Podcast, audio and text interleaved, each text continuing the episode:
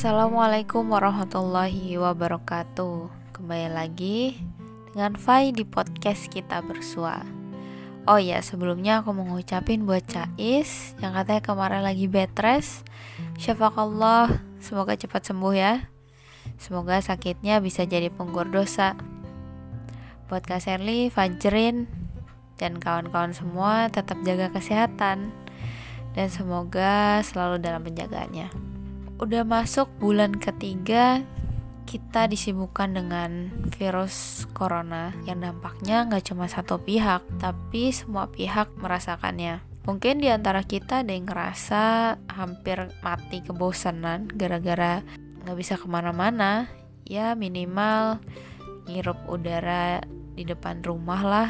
Dan di sisi lain ada juga yang khawatir dengan kondisi ekonomi yang makin menjepit sampai rasanya pengen menjerit minggu lalu aku dapat telepon dari adikku yang lagi sekolah di Magelang.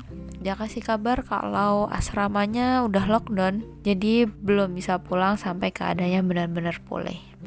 Di tengah perbincangan kita membahas tentang wabah ini, dia menghibur dengan dua ayat dari surat Al-Hadid ayat 22 sampai 23 yang artinya setiap bencana yang menimpa di bumi dan yang menimpa dirimu sendiri semuanya telah tertulis dalam kitab Lauhul Mahfud sebelum kami mewujudkannya. Sungguh yang demikian itu mudah bagi Allah agar kamu tidak bersedih hati terhadap apa yang luput dari kamu dan tidak pula terlalu gembira terhadap apa yang diberikannya kepada kamu dan Allah tidak menyukai setiap orang yang sombong dan membanggakan diri. Ayat ini juga serupa dengan surat atau gobun ayat 11 sampai 13 yang artinya tidak ada sesuatu musibah yang menimpa seseorang kecuali dengan izin Allah. Dan barang siapa beriman kepada Allah niscaya Allah akan memberi petunjuk kepada hatinya. Dan Allah Maha mengetahui segala sesuatu dan taatlah kepada Allah dan taatlah kepada Rasul. Jika kamu berpaling maka sesungguhnya kewajiban Rasul kami hanyalah menyampaikan amanah Allah dengan terang. Dialah Allah, tidak ada Tuhan selain Dia dan hendaklah orang-orang mukmin bertawakal kepada Allah. Menurut Ar-Razi dalam tafsirnya, hakikat musibah telah ditentukan oleh Allah. Dalam ayat di atas dijelaskan bahwa ada dua hakikat musibah yang perlu kita ketahui. Yang pertama, agar manusia tidak putus asa atas apa yang telah dia dapatkan. Menurut Imam Al-Baidawi, tujuan dari musibah adalah agar manusia tidak sedih atas hilangnya kenikmatan dunia yang ia miliki dari genggamannya. Karena dunia ini tidak abadi, jadi apa pun yang kita miliki di dunia gak akan kita bawa lagi ke akhirat kecuali amal-amal kita. Nah yang kedua, agar manusia tidak bangga atas nikmat yang telah diberikan oleh Allah.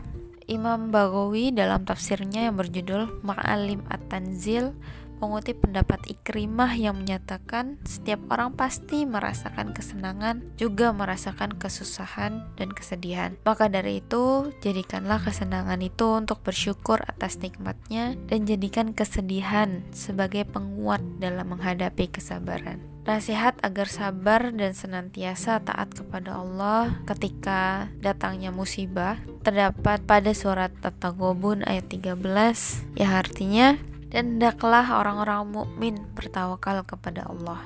Rangkaian ayat ini memerintahkan kita untuk sabar, senantiasa taat kepada Allah serta bertawakal kepadanya ketika tertimpa musibah.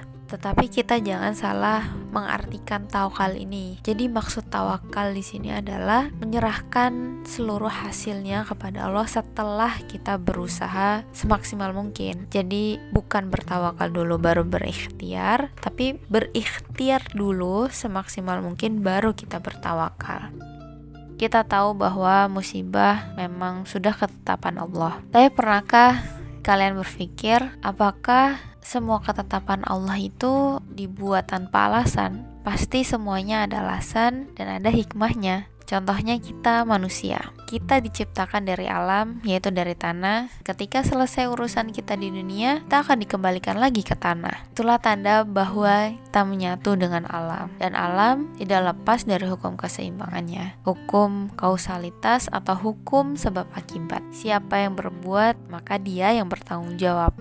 Lalu, ingatkah tugas dan tanggung jawab kita menjadi manusia di bumi? Ya, kita memang ditugaskan sebagai khalifah di bumi yang bertanggung jawab dalam merawat dan melindungi bumi ini. Dengan adanya wabah ini, inikah kode buat kita bahwa selama ini pola hidup kita kurang bersih dan sehat, kita dipaksa untuk sadar akan arti pentingnya kebersihan dan kesehatan. Mungkin selama ini kita terlena dengan kesenangan dunia sampai kita lupa buat menjaganya. Dan mungkin selama ini kita sibuk dengan urusan pribadi kita dan urusan-urusan dunia kita sampai akhirnya kita lupa untuk berdiam diri, bermuhasabah diri dan lain sebagainya.